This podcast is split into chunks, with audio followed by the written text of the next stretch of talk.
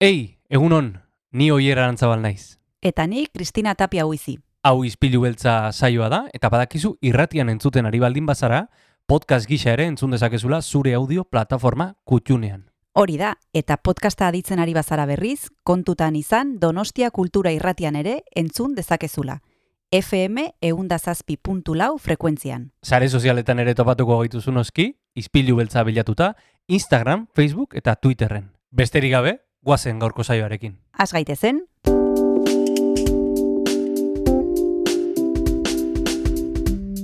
Ispilu beltza. Donostiako kulturaren berri, Oyer Arantzabal eta Kristina Tapia buizirekin.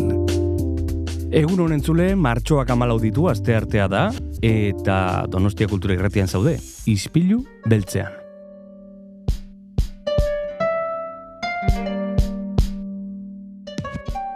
Egun hon, Kristina, egun hon oier zer moduz? primeran, ja, bueno, egon ez azte bete e, birikak nahiko hartuta, Nik esango nuke bazaudela oraindik ere, eh? pixkat, Bai. baina ja mejoratu. Baina puntu bat ematen dit, ratirako oso ahots, Beti. bai, Bai, nahiko osasuna gaizki, baina, Baina irrat- irratirako ondo, plus. bai. Bueno, ba, plus horrekin, e, gaurko egunari begiratuko digu, aste artea, martxoak amalau esan dugu, aste artea denez, zinema zitzei beharko dugu. Bai, eta horretarako badekizue Kresala Zineklubeko lagunak e, hurbiltzen zaizkigula, aste artero, txintxo txintxo, gaurkoan Janet Diez etorriko da, badekizue berak, e, beraiek pelikulak proiektatzen dituztela ature bat zinemetan, eta gaur Rise Boy Sleeps pelikularen txanda izango da, Anthony Shimek zuzendutakoa, Kanadako pelikula, eta gainera izango dugu gurekin, oier Mireia Gabilondo. Mireia Gabilondo La Zelda sin noche aurkeztera torrelako, Vitorio Eugenia Antzokian izango da, ama bitik amalaura bitartean, eta, bueno, berarekin zitea plazer bat izango da. Bai, espaldi izan genuen hemen, uste dut pare bat aldiz egon dela gurekin, eta beti da plazerra gurekin egotea. Beraz, igual asirra restiri eskatuko diogu baimena gaurko saio hasteko. Guazen?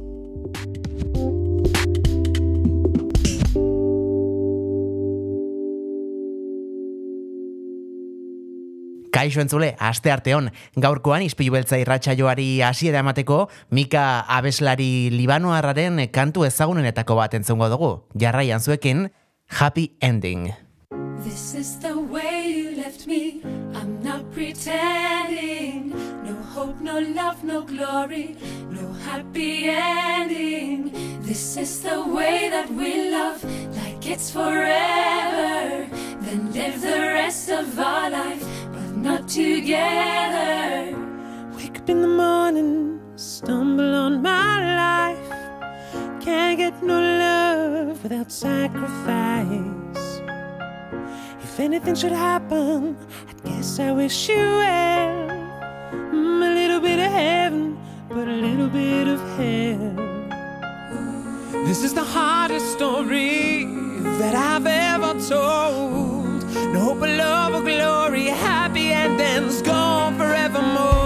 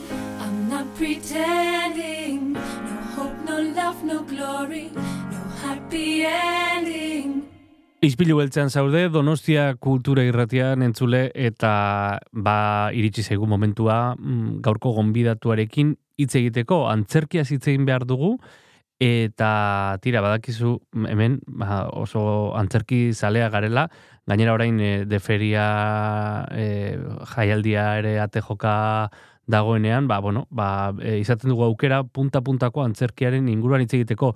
Segidan, hemen izango da, Mireia Gabilondo. Mm.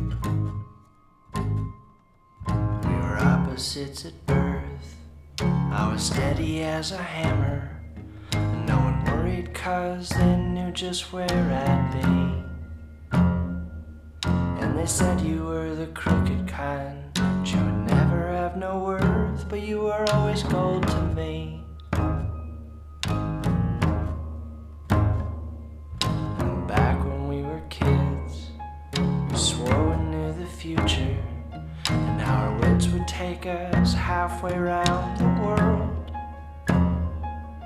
But I never left this town, and you never saw New York, and we ain't ever crossed the sea. But I am fine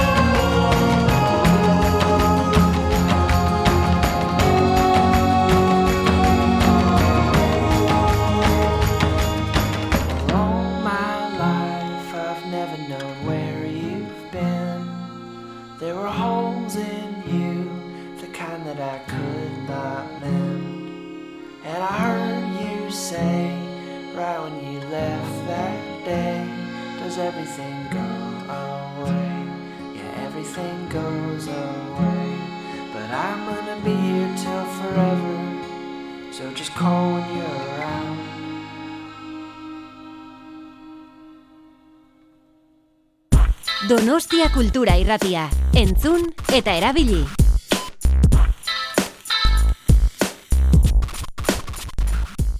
primeran, primeran, esaten genuen antzerkia hitz egiteko beti desiatzen ibiltzen garela. Eta... Bueno, ez da gaizki.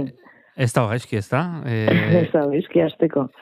eta, eta tira, ba, gaur aukera daukagu, e, bueno, e, obra oso interesgarri baten inguruan itziteko, La Zelda sin noche eren inguruan hain zuzen ere.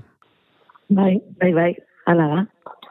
E, da, e, mm, antzerkia da, baina oso e, gai politikoa lantzen du, eta gainera, esango nuke, orain oso bo, e, oso bon, denen, denen ahotan egon den gai bat dela, gainera. ba, ba, bai, bueno, oin terremotua dela, eta gaina berri do Turkia aldea joan garela denok, ba, Hori da. ba, ba, bueno, ba, bai. Hombre, kurriztan nahi buruz hitz egiten dugu, eta askorentzako, ba, agian oso gai ez ezaguna dena, edo danoke hone bintzat, nire hautan hitz egingo dut, ba, kurriztan nahi buruz oso, oso gutxi nekien, o denoke dakigun gauzak txiki hori, ez, ba, lau herrialdeetan banatuta dagoela, ez daukala e, bere, bere, bueno, bere partido politikoak ez dauzkela ba, ba bere tokirik eta bere haien kultura eta hizkuntza zapalduta dagoela eta bueno, ba, be- bere bizitza osoa ba, ba, borrokan aritu direla, ez? Eta hortik aurrera juteko ba, gehiago jakin nahi hortan, ba, horregatik eh, egin gendun eh, ikuskizun hau egia esan, eta eta galde irustak eh, idatzi zuen tekstua, ba, Bai. antzerkigintza berriak laborategia egiten dugu, hain dala ja zazpi urte izango dira, 2006an hasi zen, e, Donostia e, zera kapitalidade kulturala izan zanean, eta orduan em, ba, geroztik urtero egiten den laborategi bada, non teksto, antzerkidako tekstuak idazten diren, ez? Eta oindala bi urte e, idatzitako, te, o, laborategian idatzitako testu bat izan zen, eta orduan erabaki zuten ba, testu haue ba, holtzara eramango zela, eta eta nik eh, zuzentzeko aukera eman ziaten, niri zuzentzeko aukera, eta gero ba, ba redela izeneko badago horre zabat una red de, de teatros iberoamericanos eta holako zerbait, ba beraiekin batera lan egiteko aukera. e, ba, ba, bueno, ba, ba, lan gehiago elkarrekin egin nahi hortan, ez? Eta orduan, ba, bai, Kostarrikan e, egin gendun, e, aurtengo, ba, bueno, iasko udaran, eta hango aktoreekin, eta, eta bueno, oso esperientzi politia izan zen. Zai, gehiagit egiten nahi nahi zen, zuri utzi, utzi gabe, galderak egiten. irratia hitz egiteko da, eta gu entzuteko gaude, eh? Dan, danaren Bai, bai. gainetik entzuteko. Ez, eh, Bueno. esan behar nizu- esan behar nizun, eh, eh, kurduen herria badela estaturik gabeko herri bat, ez? Eta, Mhm. eta tira, bueno, eh, aktualidadean edo gaurkotasunean egon dira hainbat alditan, eh, esaterako, ba, eh, estatu islamikoaren aurkako eh, gudan, ez? Eh, gainera Bai, estatu, bai. bat, estatu batuen eh, babesa izan zuten, gerora aztu egin ditu mundu guztiak, ez? Edo, edo Bai, mm, berriz, bai. berriz ere bazterrean geratu dira.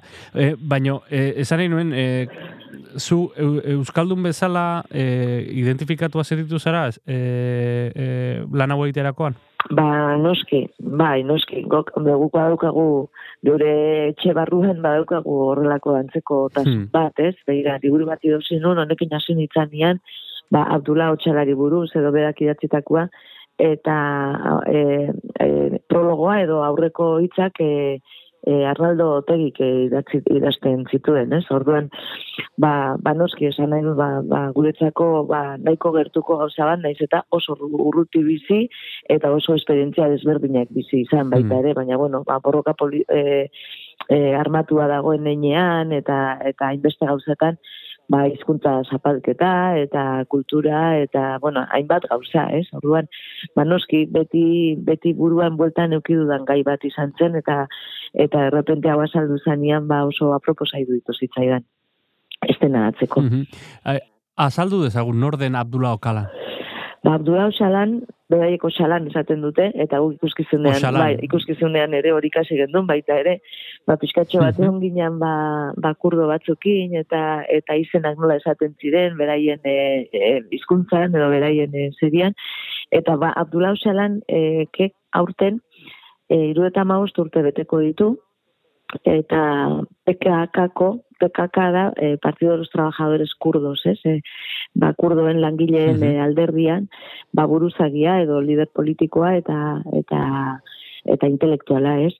Eta orduan, ba, mm, e, mila behatzi deun eta iru eta emezortzian, Turkiatik e, alde egin behar izan zuen, bueno, orduan Sirian bizi izan bera, eta alde egin behar izan zuen asilo politikoa eskatuz Europara. Lehenengo uste dut eh, Rusiara gerturatu zela, gero Alemaniara, baina han ere ez zuten ez zuten eh, esku honez hartu, eta handik Italiara joan zen. Eta Italian han egon zen ba, abokatu batekin, guk gaina abokatu horri elkarrizketa bat egin genion e, iaz, joan ginen iazko e, gabonetan, Bai. Erromara joan ginen eta ja gizon heldua, baina oso elkarrizketa polita atera gendun eta grabaketa hori ere badaukagu. Orduan, bueno, ba, Italian egon ondoren, pentsatu zuten, Grezian eh, asilo politikoa emango ziotela eh, eh, eh, Afrikako Nairobiko serian, Greziako eh, konsuladoan, ez? Mhm. Eta orduan antzegoela, ba, ba, abioi baten sartu zuten mm, ba, Turkiako e, nola esaten da, e, e, ba, ba, buruzagiek edo, bueno, egin zuten entre el Mossad, eh, la CIA eta servicios de inteligencia turcos. Ez dakit nola esaten da euskera egia esan, eh, inteligentzia Mm, zerbitzuak bai. edo Eh, lako tu- zerbait, ez? Hori da, Eta Tur- orduan, Turkiako bai, inteligentzia bakartzelan zerbitzua. sartu zuten Turkian, eta geroztik, ba, hoeta lau urtetan, ba, inrali izeneko kartzela batean dago, Turkian, eta lehenengo amabost urtiak edo bera bakarrik egon zan gainera, osea, ez egon beste presorik e, e, kartzela hartan. Bai. Eta amabost urtera, ba, beste batzuk sartu zituzten, baina ez dauka inolako harremanik e, inorekin. Osa nahi dut, e, hogeita Hmm. lau urtetan, bera bakarrik dago bere, bere ziegan, eta oso ordu gutxitan ateratzen dute patio batera, baina ez dula ezer ikusten ere, eta bueno, ba, ba, mm. giza eskubideak eta inbeste hausak esaten dutena, ba, ba, ba ez direla e, e, erabat ondo, ondo onartzen bere, bere kasuan, ez?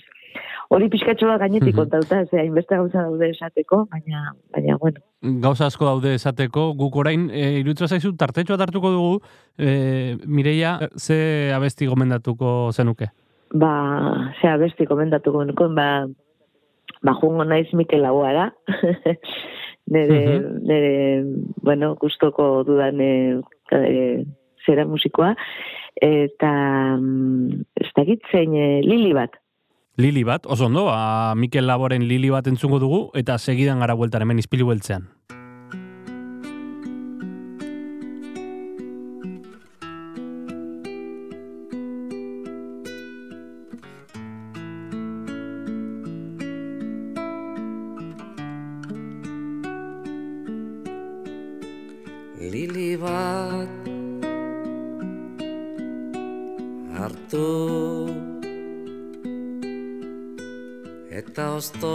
The.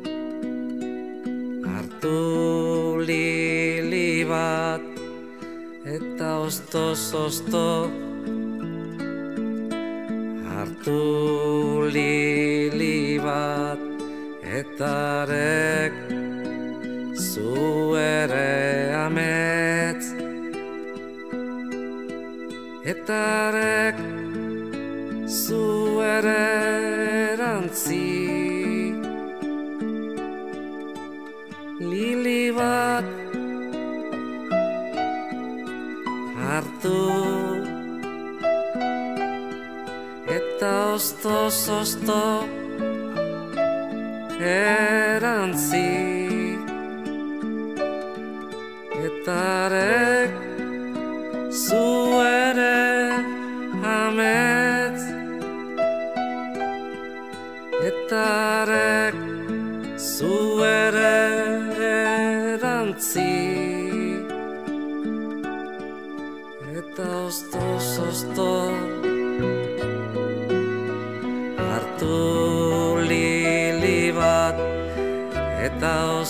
sos.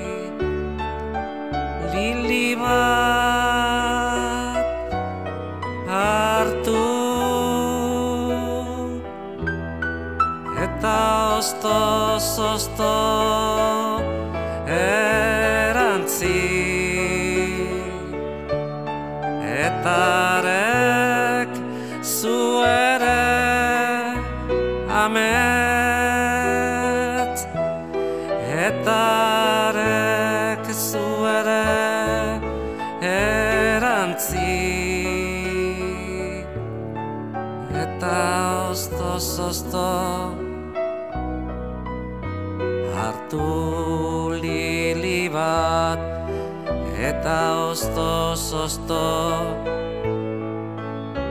hartu lili bat etarek zuere amen.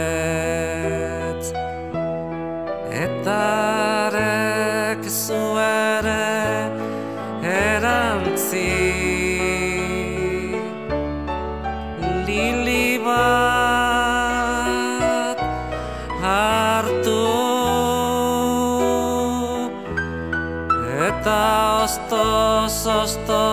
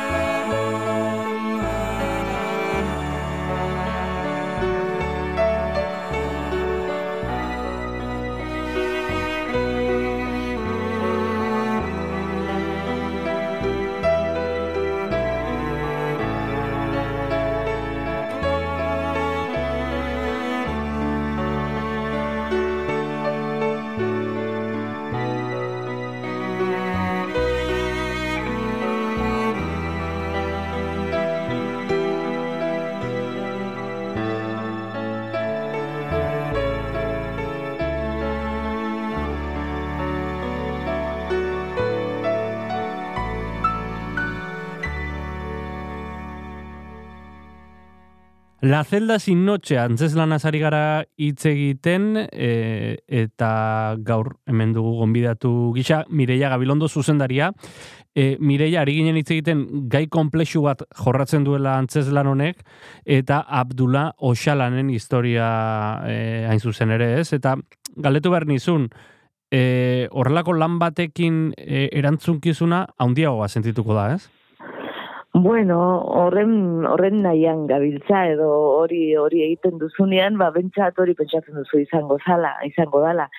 E, guk hau estrenatu gendun Kostarrikan ustailean, pasaden ustailean, eta han ba, Mhm. aste bete segontzen e, gaina oso tokia propos batean, etzen antzoki batean egin, hango ba, zera bat aukeratu gendun, e, una antigua aduana, esan nahi dut tokia handia, handia, handia, handi bat, ba, leno Bai.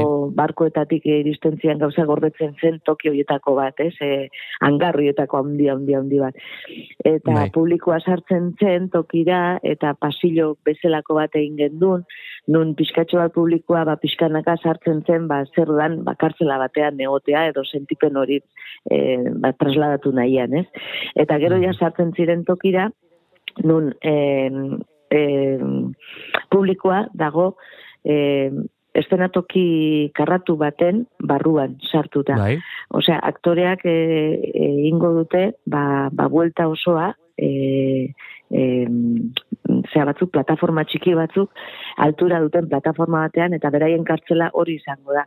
Baina publikoa egongo da, Bai. beraien barruan, bai, iruro eta hamar Bai. persona sartzen dira bakarrik, eta eta bueno, ba oso esperientzia polita da publikoarentzako baita ere. Ze Mhm. aulki batzuk dauzkagu nun e, buelta ematen dutenak eta orduan zuk e, aktore desberdinak jarratu jarraitu leizketzu, ba mugitzen diren neinean, ba ba, Mhm. ba, ba buelta osoa eman, ez, ulertzen. E, Bai. eunda laroi gradu, esan nahi dut, ez? Eta oso esperientzia polita izan zen egia esan, eta eta bueno, ba, ba- badaukagula ja feedback hori publikoarekin, edo zer sentitu zuen, edo nola juntzen, eta orduan, ba, orain daukagu, ba, Euskal Herrira ekartzeko min hori, eta jakin min hori esan nahi dut, ez? E, ba, bueno, Bai. bai. publikoak nola jasotzen duen, eta eta eta posi gaude, posi gaude, ba, azkenean honea datozelako. Hango aktoreekin etorriko da, han egin gendun e, ikuskizuna, eta hiru aktorek egiten dute. Piskatxo bat obrari buruz hitz egingo dugu, nahi baldin baduzu. Bai. Bai, Ba, dudari gabe, dudari gabe, bai, azaldu bai. dezagun e, goltza Bai. gainean zer, e, zer ikusiko Hori da, zer, bai, ze, bueno, hitz egin dugu ba, persona gaiari buruz, Abdul- Abdullah Noxalari buruz, baina orain hitz egingo dugu, ondo iruditzen baldi bazaizu, ba, galder irustak idatzi du testua, Bai. Bilboko idazle gazte bada, eta e, berak egin du Abdulan Otxalari buruz hitz egiteko hiru alter egoetara atera ditu bere personaiari buruz. E, bat izango da zaharragoa dena, ba nekasaria edo berak deitzen dio. Bestea izango da gazteago bat, ba gerrilaria eta Bai. emakume batek egingo du filosofoaren e, rola. Esan nahi dut azkenean, e, persona bakar bat dago, Abdullah Osalan dago kartzelan, baina hiru Abdullah Osalan ekarri ditu holtza gainera. Beraien artean hitz egingo dutenak, beraien artean eztabaida edukiko dutenak, ba batek e, ba bueno, ba ba, ba borroka armatua jarraitu nahi du, besteak esaten du nahikoa dala, hori egina dagoela, emakumeak filosofoak ba, ba bueno, emakumearen papera baita ere oso garrantzitsua izan da e, beraien borrokan eta Mhm. feminismoa eta bueno, ba, ekologia eta eta em, bueno, aberastasuna banatzeko ba, ekimenak baita ere de- desberdin e, planteatzen dute. Ba, hainbat gauza, ba, esan nahi dut, beraien, Abdullah Osalaren e, e, ideologia e, errezago erakusteko, ba, iruren artean egingo dute. Ez? Hmm. Barnea Eta, hotxak dira, e, persona baten barnea hotxak e, bezala ulertu Ba, nik al- alteregoak gustatzen zait esatea, esan nahi dut azkenean badakizu personaren barruan, ba, Bai. hainbat persona dauzkagula, ez? Eta orduan, ba, nik uste dut hortik eh, jorratua dagoela. Osea, ahotsak baino, baita ere, noski ahotsak, baina personaiak esango nuke. Hmm. Gure barruan ere personai desberdinak dauzkagulako, ez? Bai, bai, bai. Bai. Tira, e, e, deferian aurkeztuko duzue, eta Bai. estrenaldia e, e, Europan izango da. E, ze Bai. ibilbide, ze ibilbide izatea gustatuko litzaizueke? ba, bilbi, bilbide zabala gustatuko litzai guke, baina seguruenik ez du eukiko zaila dalako, ba, bueno, ba, ba, Kostarrikan egina dagoelako, eta, Hmm. bueno, hasiera batean, e, ez dakit eh, Uruguai eta Kolombia baita ere e, barruan egoteko goguarekin azaldu ziren, Bueno, orain ikusiko da baita ere de ferian nola hainbeste programatzaile etortzen diren, ba, ikusiko da beraien naia zer, zer nolakua den edo zer gertatzen den. Esan beharra dago, e, e, Alemanian, badagola orain mugimendu bat, ba, Abdullah Osalaren e, e, alde egiten dutenak, eta beraiekin harremana euki dugu, etorri zan e, ba, ba, emakume bat gurekin hitz egitera, eta orain etorriko dira baita ere de feriara, ikuskizuna ikustera, ze orain e, Abdullah Osalan jaio zen aprilaren lauean.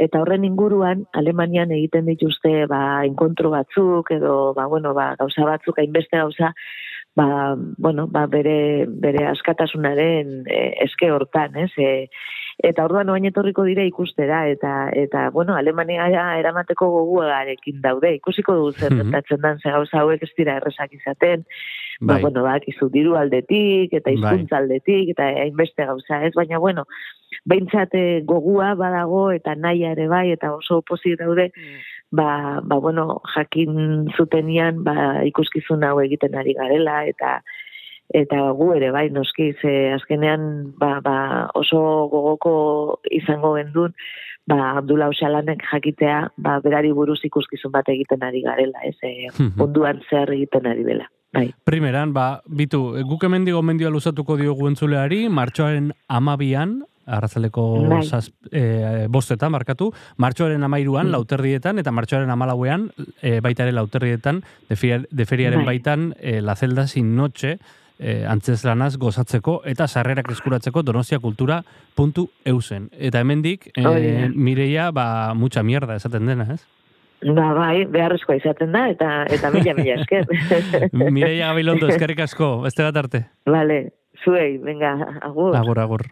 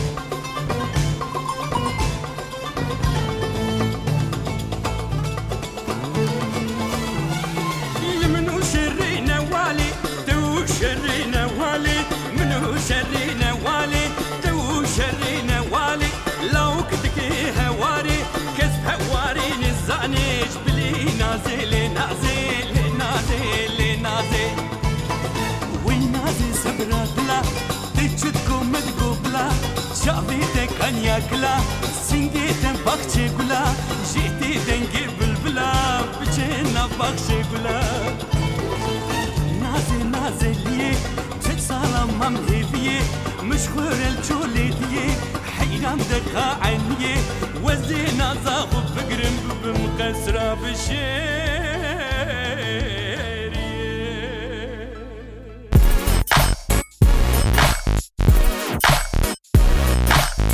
Donostia Kultura Irratia. Iriko eta aldirietako kulturaren leioa.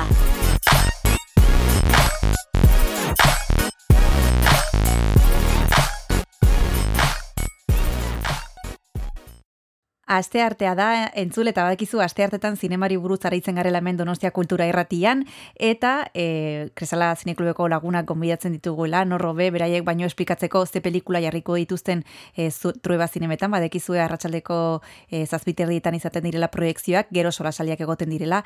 Gaurkoan, e, proiektatuko dute Rise Boy Sleeps izena duen pelikula, joan den urtekoa, Kanadakoa, Anthony Shim da zuzendaria, eta horretarako gonbidatu dugu, pelikula honen inguruan e, hitz egiteko gonbidatu dugu e, Janet Diez, zer moduz, e, unun Janet? Egunon, Kristina, oso ondo, beste behin zuekin hemen. Beste behin, zuekin hitz egiteko gogoz, badekizue gure tartetxo hau izugarri maite dugula, ze zinemari buruz asko dakizue, eta gainera aukeratzen dituzue arribitxiak astero proiektatzeko, eta gaurkoan, iruditzen zait, naiz eta ez dudan pelikula ikusi oraindik, e, arribitxi bat dela, ez, e, Janet? Bai, behintzat netzako, bai, ikusi nuenean, e, baina, bueno, hasieratik ja e, saldu edo behintzat e, pasazigunean zigutenean informazio esan ziguten, hau bitxi bada, eta egia esan da, nik ikusi nuenean behintzat, bai, esan bai, nola, harri bitxia da, ondo esaten dute, bueno, saldu edo behintzat informazioa pasa zigutenak, ez dago durarik, harri bitxi poli bada. Bueno, esan bezala, Rise, Rise Boy eh, Sleeps eh, da eh, pelikularen izenburua, joan den urtekoa, Kanadakoa, ia bi, ur, bi orduko iraupena da, eta guazen jakitera pixka bat eh, zein den pelikula honen sinopsia. Zer kontatzen duzu zendariak bertan, Janet?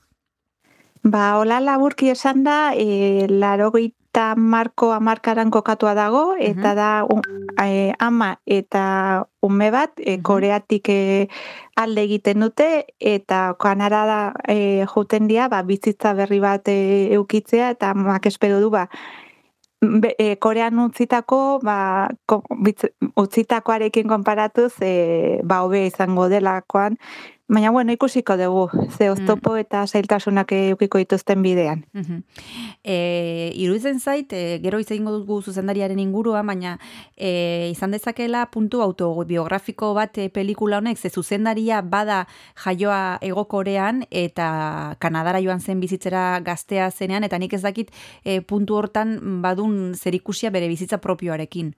Bai, berak eh, ba, elkarrizketetan beti esaten no ez, da, pelikula hau da semi-autobiografikoa, Mm, bai, bertan ikusiko ditugu berak bizitako e, esperientziak eta bere inguruan e, jaso ditun e, esperientziak bai, eta baita ere berak esaten du asko irakurri eta asko informatu dela, ba, ez bakarrikak e, ego koreatik etorritako, ero behintzat Norte Amerikara jundian e, e, pa, pertsonak edo umeetaz, baizik eta beste migrantei buruz ere irakurri du, ba, pelikula hau hobeto egiteko. Ba, migrazioari buruz e, hitz egingo du e, zuzendariak, bueno, hitz egiten du zuzendariak pelikula honetan, tartetxo bat hartu behar dugu, zeguk ere jarraituko dugu Rise Boys Sleeps e, pelikularen inguruan hitz egiten, baino tartetxo hortarako janet badekizu abesti bat eskatu behar dizu dala, zer pentsatu duzu? Ba, pixka eta amaren paperean, ero amaren buruan sartua, aukeratu eta besti bat e, ama iruriaren inguruan, rate abeslariaren mam abestia, eta bueno, aprotxatuko eba ama guztiei derikatzeko. Ederki, bagoazen entzutera.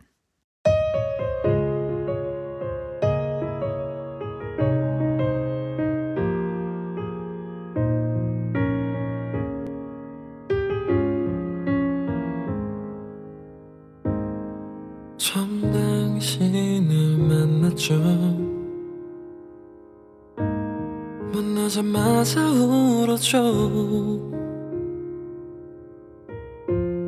기뻐서 그랬는지 슬퍼서 그랬는지 기억도 나지 않네요. 드릴 것이 없었기에 그저 받기만 했죠 그러고도 그땐 고마움을 몰랐죠. 아무것도 모르고 살아왔네요. 엄마 이름만 불러도 왜 이렇게 가슴이 아프죠? 모든 걸 주고 더 주지 못해 아쉬워하는 당신께 나 무엇을 드려야 할지. 엄마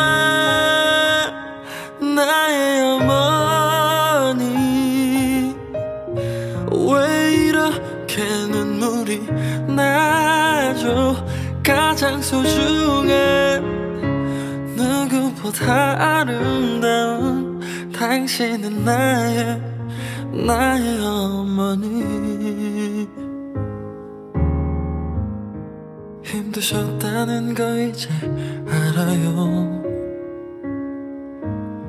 나 때문에 많이 우셨죠. 그땐 왜 그랬는지 몇 번이나 그랬는지 기억도 나지 않아요 작은 선물을 너무 감동 마세요. 당신은 나에게 세상을 선물했잖아요. 잘할게요. 내가 잘할게요. 엄마 이름만 불러도 왜 이렇게 가슴이 아프죠 모든 걸 주고 더 주지 못해. 아쉬워하는 당신께 너 무엇을 드려야 할지. 엄마 나의 어머니. 왜 이렇게 눈물이 나죠? 가장 소중한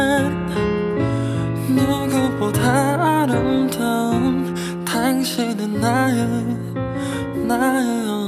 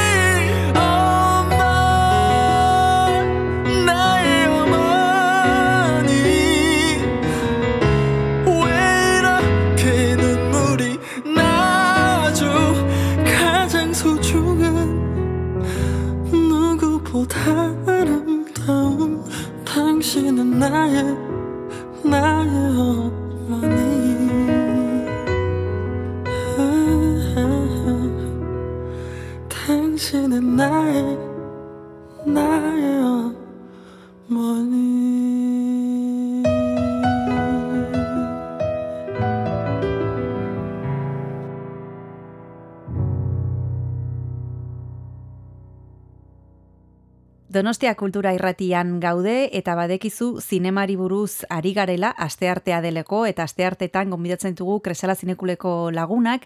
Gaurkoan Janet Diez etorri, etorri da eta aukeratu duten pelikula gaur arratsaldean proiektatzeko Trueba zinemetan da Rise Boy Sleeps 2022 bigarren urteko pelikula Kanadakoa naiz eta zuzendaria e, jaioa den e, egokorean bueno, e, oso gazte e, joan zen Kanadara eta bertan e, kontatzen du pelikula hontan ba, ama baten historia, ama bikoterik gabeko ama bat, nola joaten den Kanadara bizitza hobe bat e, bilatzera, bere semearekin, eta bueno, ba, Kanadako hiri handi batean, e, ba, mm, auzo batean e, bizi da, eta bueno, bertan arazoak, eta bueno, e, bizizango dituenak e, kontatuko digu, esan bezala, Antoni Ximek. E, Janet, e, nolakoa da pelikula? E, zer, zer ikusiko dugu bertan? Ikusiko dugu familia baten egoera, ikusiko dugu nola tratatzen dituen migranteak e, Kanadak, ze gauza ikusiko ditugu hemen eta nolakoa da?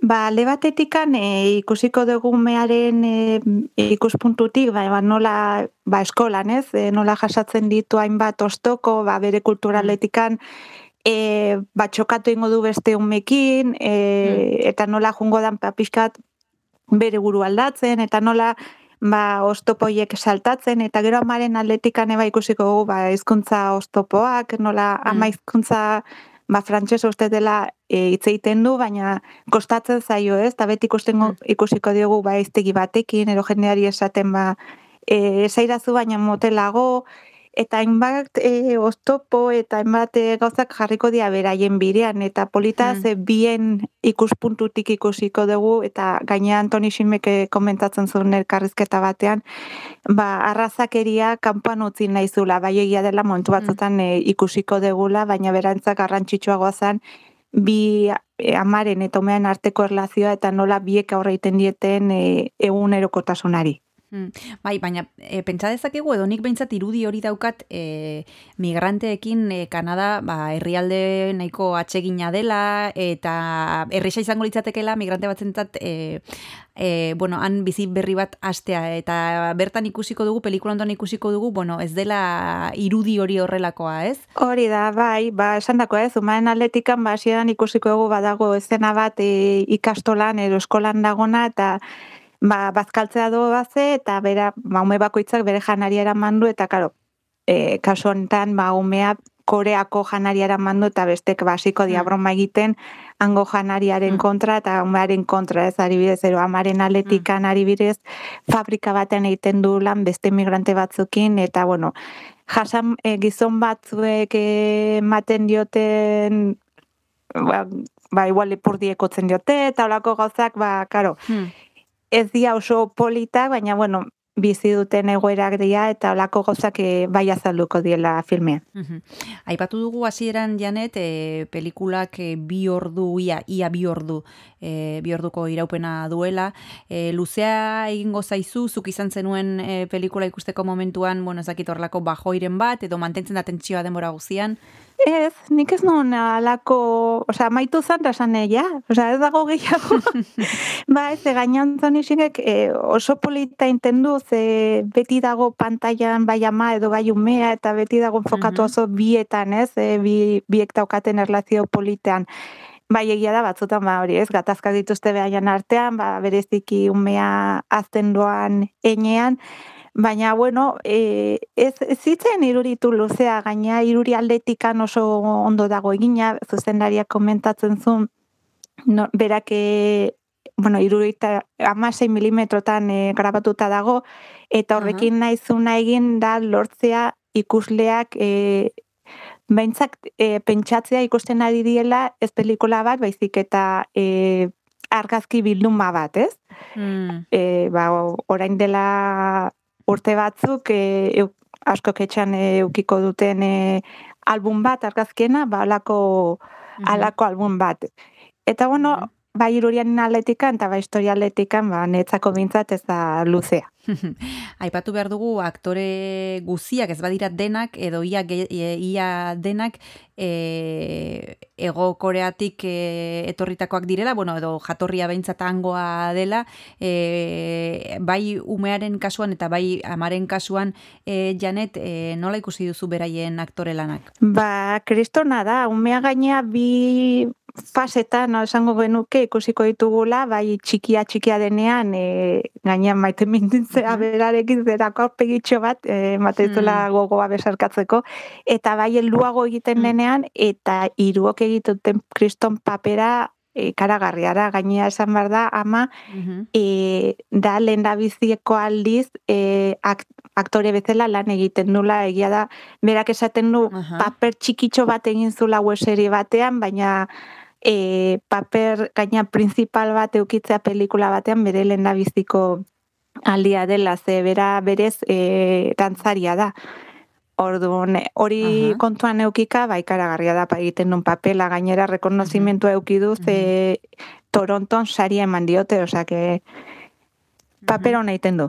Janet, esaten duzu, mutiaren papera hiru aktorek egiten dutela, e, ba, irudikatzeko umearen zatia, gaztetxoaren zatia eta gero helduagoa den e, gizontxo batena, e, pelikulak zenbat urte hartzen ditu? E, bueno, e, bi aktorek egiten dute umearen papera e, txiki txikia denean, ba, zakiz eukiko dun sortzi urte, ez nahi zauzona, eh? urtekin, baina olako e, urteak eukiko txikienak, eta gero ba, amabi, amairu hor dago, e, esaten nena gazten ez? La era del pavo. ba, momentu Bai. hortan dago.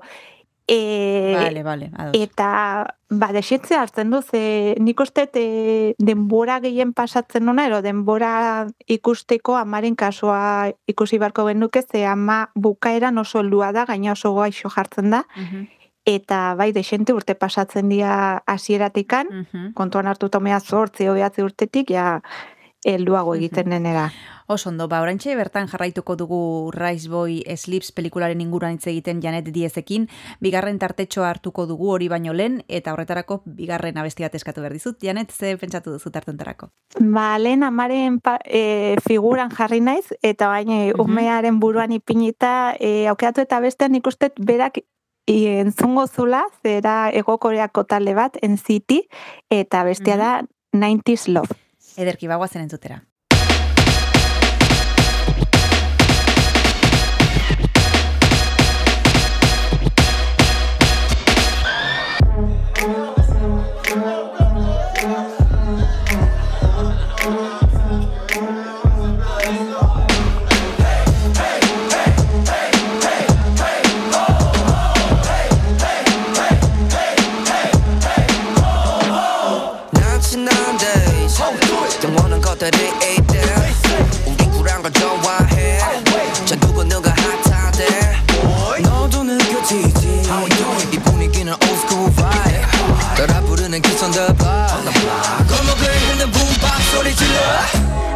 없는 시간의 의미. 오렌지빛 압구정을 걸어 너도 느낀다면 come and find me. 이 세계는 또 움직이고 있어. 꺼내 봐 꺼내 봐 꺼내 봐 it's fun. 여기 너와 나 너와 나. 너만의 sound This is how we do it 다 여기에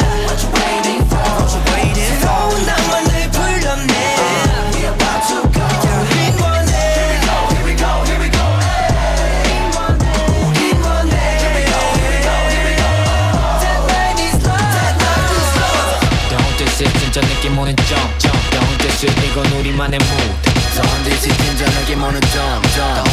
이를 쓰고 다닌 스트릿 이젠 그냥 클래식 주머니는 훌렁했지. 자 찍어 cheese 필름 속의 친구들은 make beat You know that Let's go mob 너의 움직임이 그대로 여기로 yeah fresh off 다시 뜨거워진 new decades 내 친구 같은 friends 보면 밤새 정말 우린 같은 평행선 위에 들어봐 DJ Jobs 느낌 느낄 수밖에 Feel away feel away 이 밤은 짧기에. So let me see you do your thing. 간적 없는 공간의 의미. 서로의 존재를 느껴 나의 is love. 힘이 커져가면 come and find me. 광야를 넘어 더욱 가까이 와. 꺼내 봐 꺼내 봐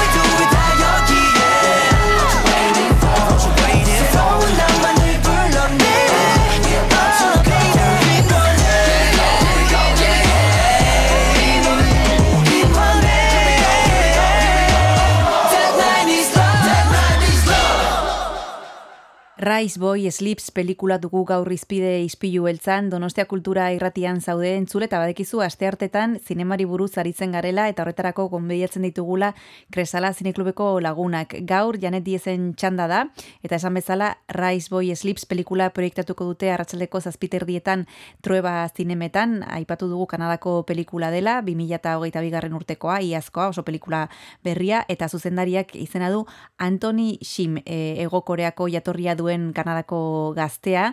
Aipatu duzu e, ama e, pelikularen bukaeran eta mutila ere bai bere semea, bueno, urte mordoa pasatzen direla tartean, e, ze evoluzio ikusten diegu pertsonaiei bai amari eta bai semeari? Ba, adibidez, semearen atletikan bera beti ikusiko dugu e, nik uste ja ba, eldutasun puntua daukan, daukanetik ba, bere e, origenak, ez? Bilatzen eta beran undik mm datorren ba, handik, handik datorren pixkat informazio bila, eta beti dago aitaren galdezka, ez? Aitaren figuraz daka, eta ikusiko dugu nola hasten da, bori, aitare galdezka eta bere, bueno, koreati, koreaz eh, galdetzen, ikusiko dugu nola aurkintzen dan bere lurraldeakin eta bere, bare, origenekin, esango bai. genuke. Eta maren aletikan, ba, bueno, antzeko ikusiko egu hasieran, ba, nola saiatzen da umea bera bakarrik aurrea ematen, eta ikusiko egu nola bukeran, ba, ba, patxara pixka batekin eta lasaitasun hartuko dula emakume honek. Zer gustatu zaizu gehien pelikula hontan, Janet? Nik uste historioa eta gaina nola dagoen kontatuta ze alako historiak beti ikusiko dugu pantailan eta gaina zuzendariak esaten du ez, e, alako historiak beti asatzen diela ba, e, gehiago arrazakeriakin e, kombinatuak edo gauza gogorragoak. Kasu honetan ez da historia zain gogor egia da, ba, momentu batzutan e, tentsio gehiago dagola, ero gauz batzuk ez diela inpolitak ikusteko, baina beti amaren eta e, semearen markatu e, arteko erlazioak beti egiten dena oso politagoa eta oso e, nola esango genute goxoagoan ez pelikula ikusteko eta nik uste asko gustatu zitzaidan hori eta ikusten da gaina nabaritzen da nola e, zuzendariak bere beretik ateatako gauzak ipini dula pantailan ze hoiek ere bere puntu ematen diola. Mhm. Aipatu behar dugu, ba, izan dituela e, sari batzuk, pelikula honek, e, iazko Torontoko jaialdian premio plataforma lortu zuen, baita publikoaren saria, busango e, jaialdian, eta Vancouverren aldiz e, publikoaren saria, eta Kanadako pelikula onena e, ba, aipamena lortu zuen. E, nik uste dut, e, publikoari behintzat ematen du gustatu zaiola. Erreixa izango zaigu ikustea pelikula hau, edo kostatuko zaigu pixka bat. Ke ba, nik uste ere nontzako, bueno, sortzi oro behatz urtentzako igual ez, baina helduentzako bai, gaina oso polita da esandakoa eta bai, nik uste ere nontzako erraz ikusten den pelikula dela. Aipatu behar dugu zuzendariaren Antoni Ximen bigarren pelikula dela, e, bigarren luzea, lehenbizikoa doter izeneko lana da, 2008 garren urtekoa, eta bigarren pelikula honekin, Rise Boy Sleeps e, pelikula honekin, ba, bueno, aipatutako sariak lortu zituen, e, ez dakit e, zer gehiago esan dezakegun zuzendari honen inguruan, ez dakit bere lehenbiziko pelikula ikusteko aukera izan duzun, Janet?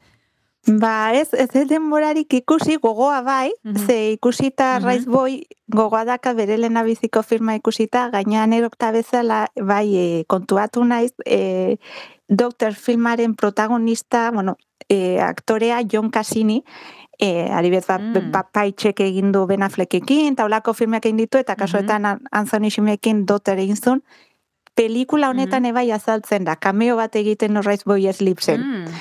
Orduan, gogoa dakat, eh, a ber, ze filma ikusteko bai zuzendari atletikan, eta bai, ba, pixkar zergatikan aukeratu du berriz eh, aktore hau berez bigarren pelikula dentzako.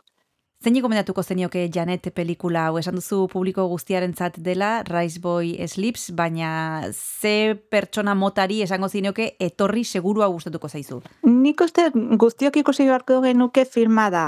Nik uste te, bai, igual, e, amasei urtetik aurrea gutxi gora bera, igual, mm urtetik gorako guztioi gustatuko litzaioken filma dela gainerraz ikusten da, eta Bai, nik uste ere nontzako izango dan pelikula. Bueno, aipatu behar dugu pelikula ondoren, proiektzioaren ondoren, solasaldia egongo dela, eta gaurkoan nor egongo da, moderatzen? As, asmatu, Kristina. Pues zu, zu, adibidez. bueno, ba, orduan, badekizue pelikula ikusi ondoren, aukera izango duzuela Janet Diezekin hitz egiteko, eta ondoan e, daukazunarekin, noski gomendatzen dugu asko solasaldian e, ba, gelditzea eta parte hartzea, ze hor oso gauza interesgarriak ateratzen dira, eta, bueno, ba, nahi izanez gero, eta batez ere ahal izanez gero, ba, gomendatzen dizuegu bertan e, gelditzeko.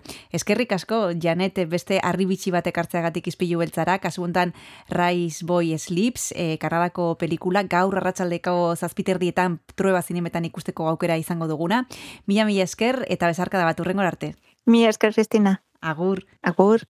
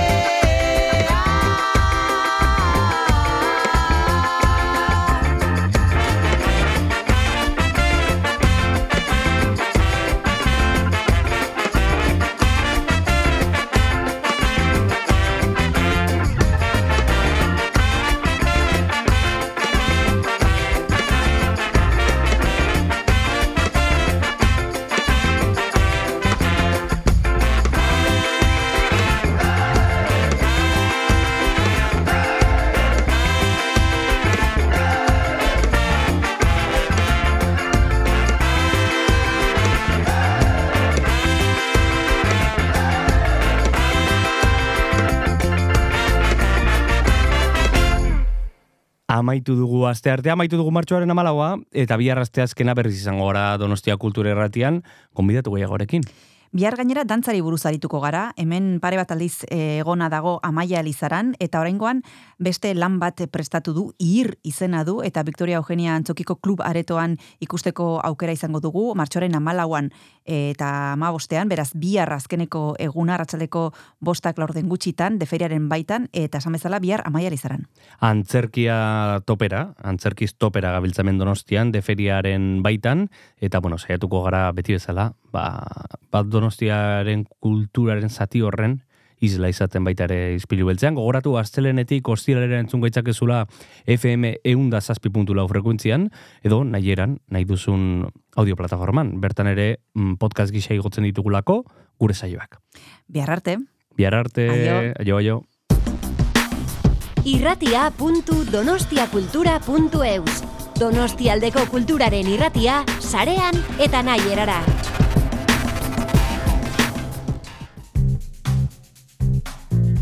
Kanta katilua. Kaixo entzule, ongi etorri ispilu beltza irratsaioko kantakatilua talera. Badakizue naiz eta Kristina eta Oierra gurtu ditugun, oraindik ere saioak aurrera darraiela eta datozen minutuak musikari eskainiko dizkiogula. Batira, gaurkoan, eh, kasu honetan, eh, belako talde bizkaitarraren eh, diska bat izango dugu izpide datozen minutuetan, plastik drama izena duena, 2000 eta hogei garren urtean kalderatutakoa, eta dudari gabe munduan zehar nazioarte mailan arrakasta handia lortu duena. Hau da lan honen lehenengo pieza. Time me up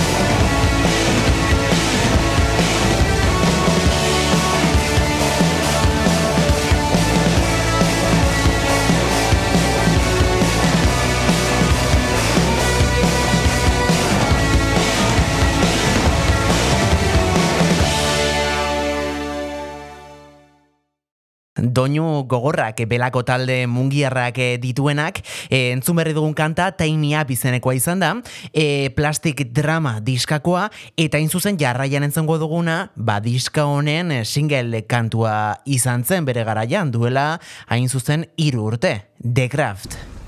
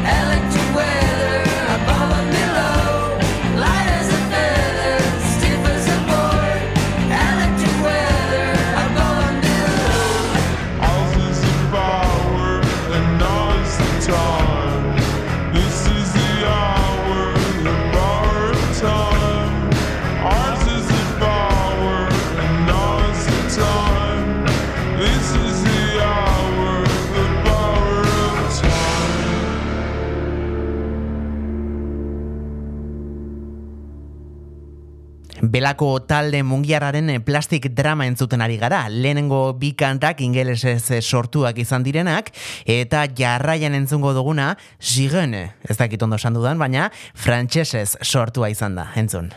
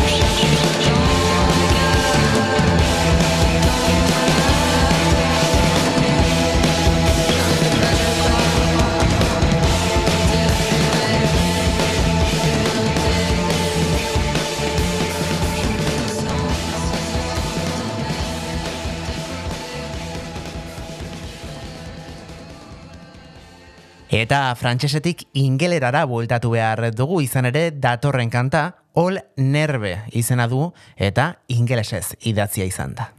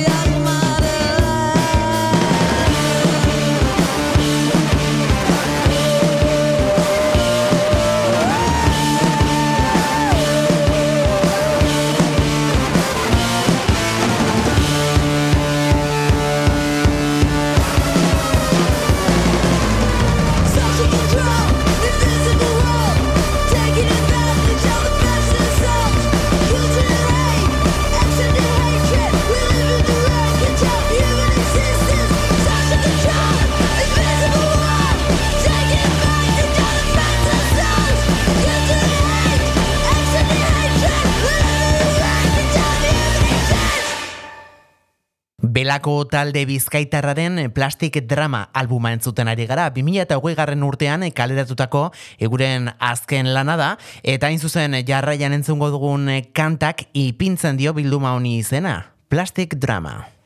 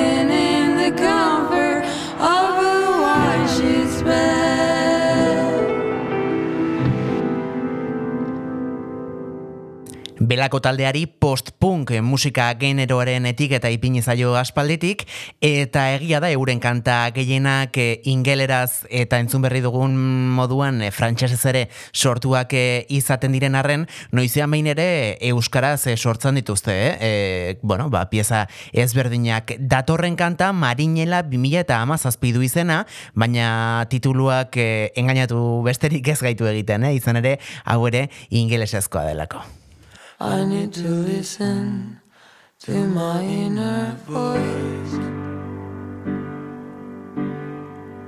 Shaping through time and space, don't really have a choice. The more you hug me, the more I felt alone.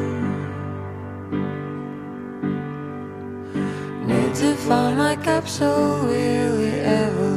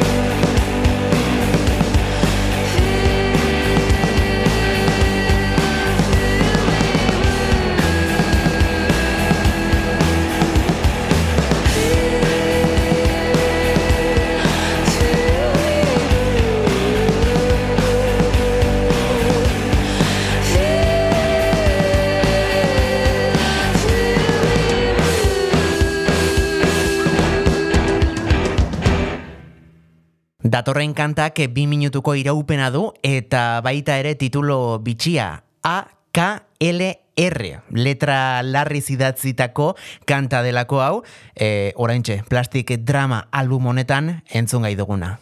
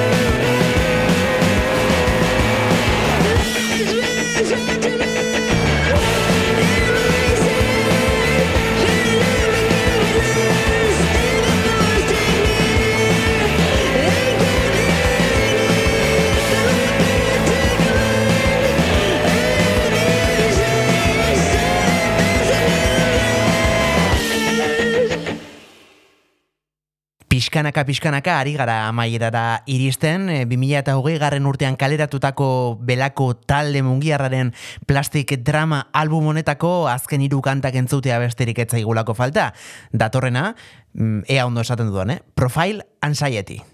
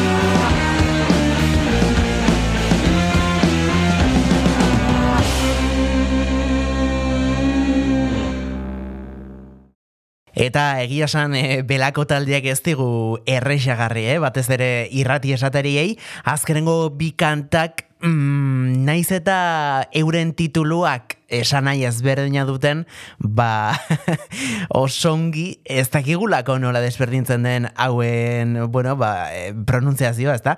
E, kasu honetan, entzungo dugun kantua, truth, egia, e, da, mm, eta ondoren kontatuko dizuet, nola ditzen den azkenekoa. Romance is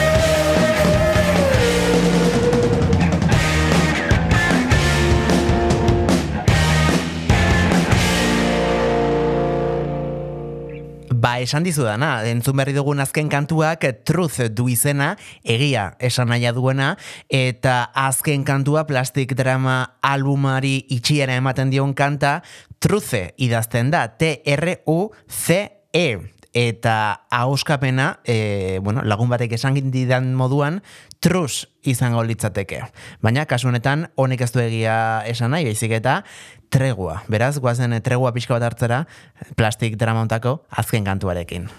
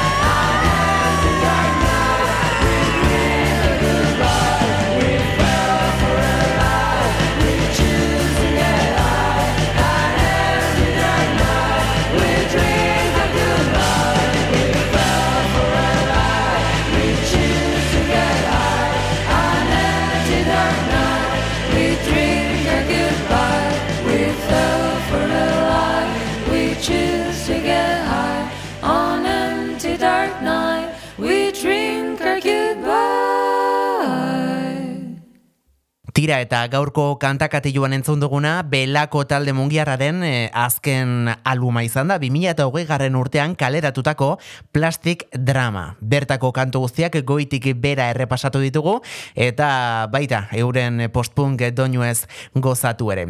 Gu badakizue bihar itzuliko garela hemen goizeko zortziretan Donostia Kultura irratian, eunda zazpi puntu lau FM-ean Donostia eta inguruetan, eta bestela badakizue e, non nahi eta nahieran zure podcaste plataforma kutxunenean aurkituko gaitu zuela ispilu beltza idatzita. Bertan izan bagarelako. Besterik gabe, bihar arte, txintxoak izan agur.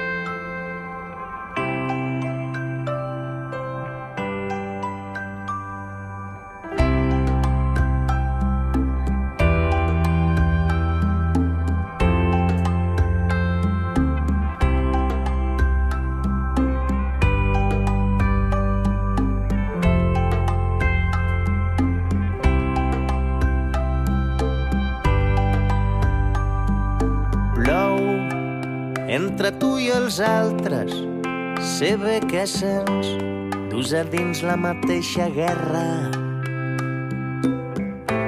Tothom busca un trosset de terra i casa nostra és un tros de temps. Sé bé què sents.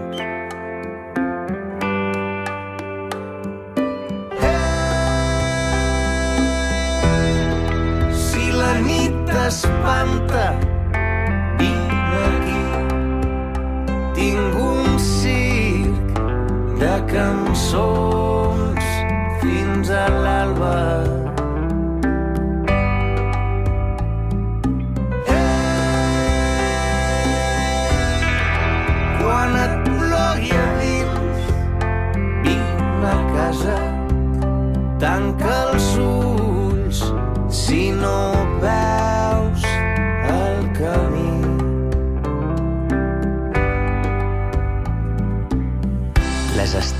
Són fars a l'horitzó.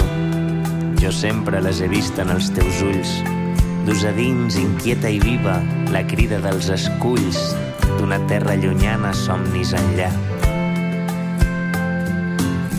Quan de nit, nues i plenes de cançons, vinguin a buscar-te des del mar les sirenes del viatge. No ho dubtis i empren el vol. Aquí tens el meu desig. Camina, camina lluny, camina com qui vol saber-ho tot. Camina fins a trencar-te. Camina.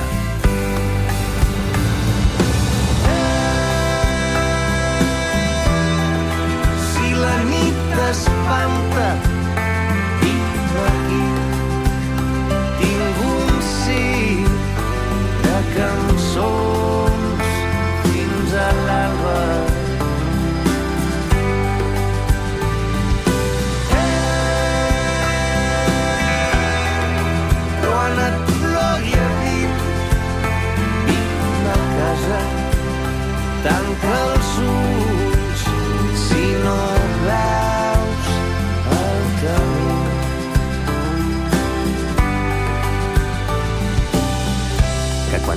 Lluny, una cançó et torni a casa.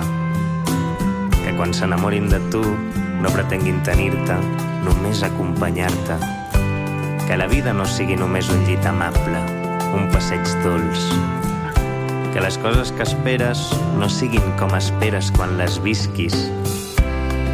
Que tinguis l'alegria dels dies clars. Que els matins et despertin sense precipicis.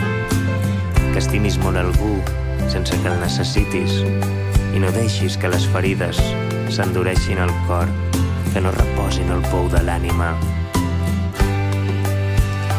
Recorda, si plou dins teu, que caminar cura les ferides, que viure, viure no és estar vius, viure és l'actitud d'omplir la vida. La vida, allò que passa quan tu rius.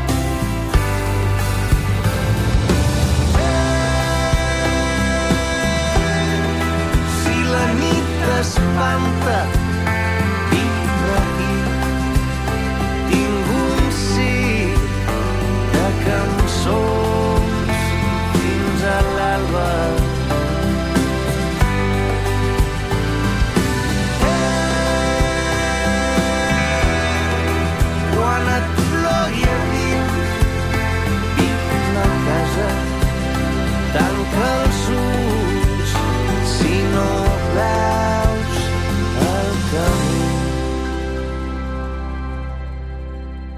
Ispilu beltza podcasta entzungai duzu irratia.donostiakultura.eus webgunean, Spotify, Apple Podcasten, Google Podcasten edo zure audio plataforma kutxunenean.